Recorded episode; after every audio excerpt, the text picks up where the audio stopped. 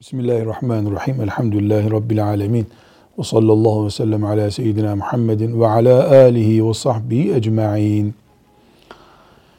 Bir baba veya bir anne çocuklarına kalacak malını ölmeden çocukları arasında taksim edebilir.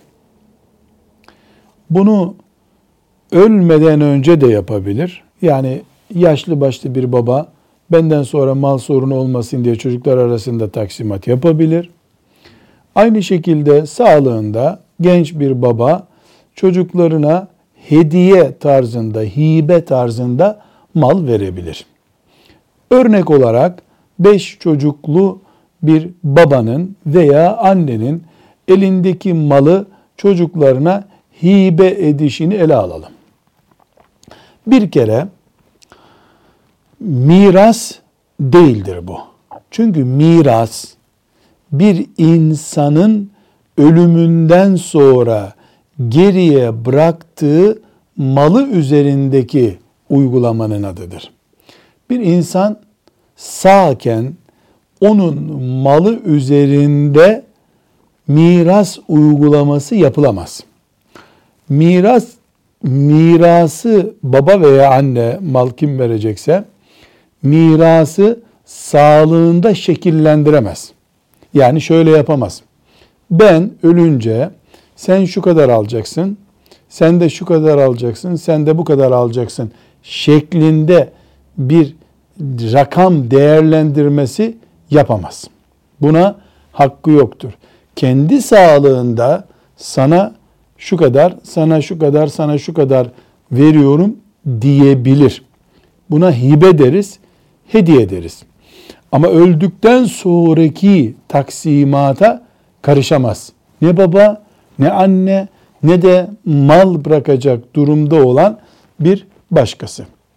Bir Müslüman malını bırakarken Allah'tan korkarak hareket etmesi gerekeceği gibi hibe ederken de Allah'tan korkması gerekir. Bu Allah'tan korkma neyi yansıtıyor?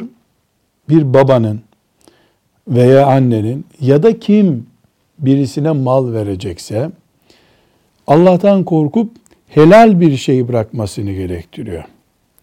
Haram bir malı e, yani kullanımı haram olan bir şeyi bir evlada, bir yeğene bırakmak doğru bir hareket değil.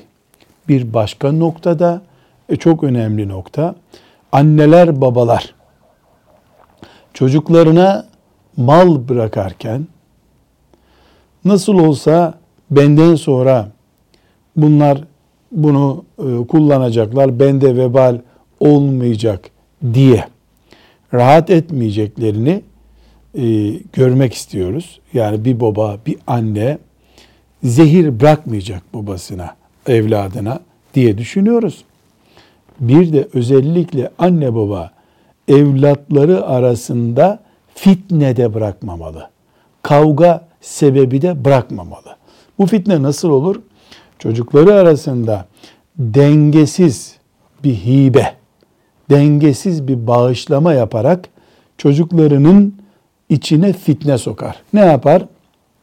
Onun yanında duran, onun hizmetinde daha çok gönüllü olduğunu düşündüğü çocuğuna sağlığında beş verir, öbür çocuklarına da üç verir. Bu adaletsizliktir, zulümdür. Resulullah sallallahu aleyhi ve sellem Efendimiz böyle bir zulüm konusunda ashabını ikaz etmiştir. Bunu yapmayın buyurmuştur. Hatta çocukları arasında e, adaletsiz davrananların kıyamet günü bir tarafları felçli olarak geleceklerine dair de hadis-i şerif vardır. Bu ikaza da dikkat etmek gerekir. Bir baba, bir anne çocuklarına sağlığındayken mal vereceği zaman 2, 3, 5 kaç tane ise çocukları adil mal vermelidir. Bu adalet iki türlü olabilir.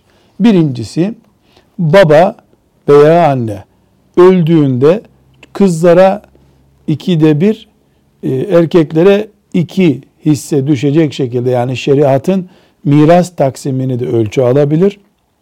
Hayır, 5, 5, 5 diye 3 tane çocuğuna 15'lik malını dağıtabilir. Yani herkese eşit de verebilir. İki konu iki şekilde de yani mirastaki dağıtım sistemi de e, fıkıhta var. Rakamsal eşitlik sağlayan e, sistem de var. E, ikincisini yani rakamsal eşitlik sağlamayı tercih ederek çocukların gönlünün e, malda kalmamasını tercih edebiliriz. Etmemizde de yarar vardır. Allah'ın şeriatında her ikisi de caizdir, mümkündür. Ama neyi konuşuyoruz? Baba henüz tapular, para, kasa elinde iken al al al deyip teslim ettiği malda adalet sağlasın diyoruz. Öldükten sonra ben şu şekilde malı dağıtın tarzındaki bir vasiyetinin değeri yoktur. Böyle bir vasiyette vasiyet değildir. Çünkü mal zaten çocuklara kalacak. O çocuklara sen şu kadar alacaksın, sen şu kadar alacaksın şeklinde bir vasiyet batıldır. Vasiyet e, şartlarına uyulduğunda mirasçı olmayacak yabancılara yapıldığı zaman vasiyettir. Demek ki babalar, anneler e, çocuklarına sağlıklarında mal verebilirler. Bu vermeleri bütün malını miras kalmayacak şekilde sağlığında verebilir adaletli olmak şartıyla. Bu adalet nedir? Rakamsal olarak herkesi eşit bir şekilde değerlendirmektir. Velhamdülillahi Rabbil alemin.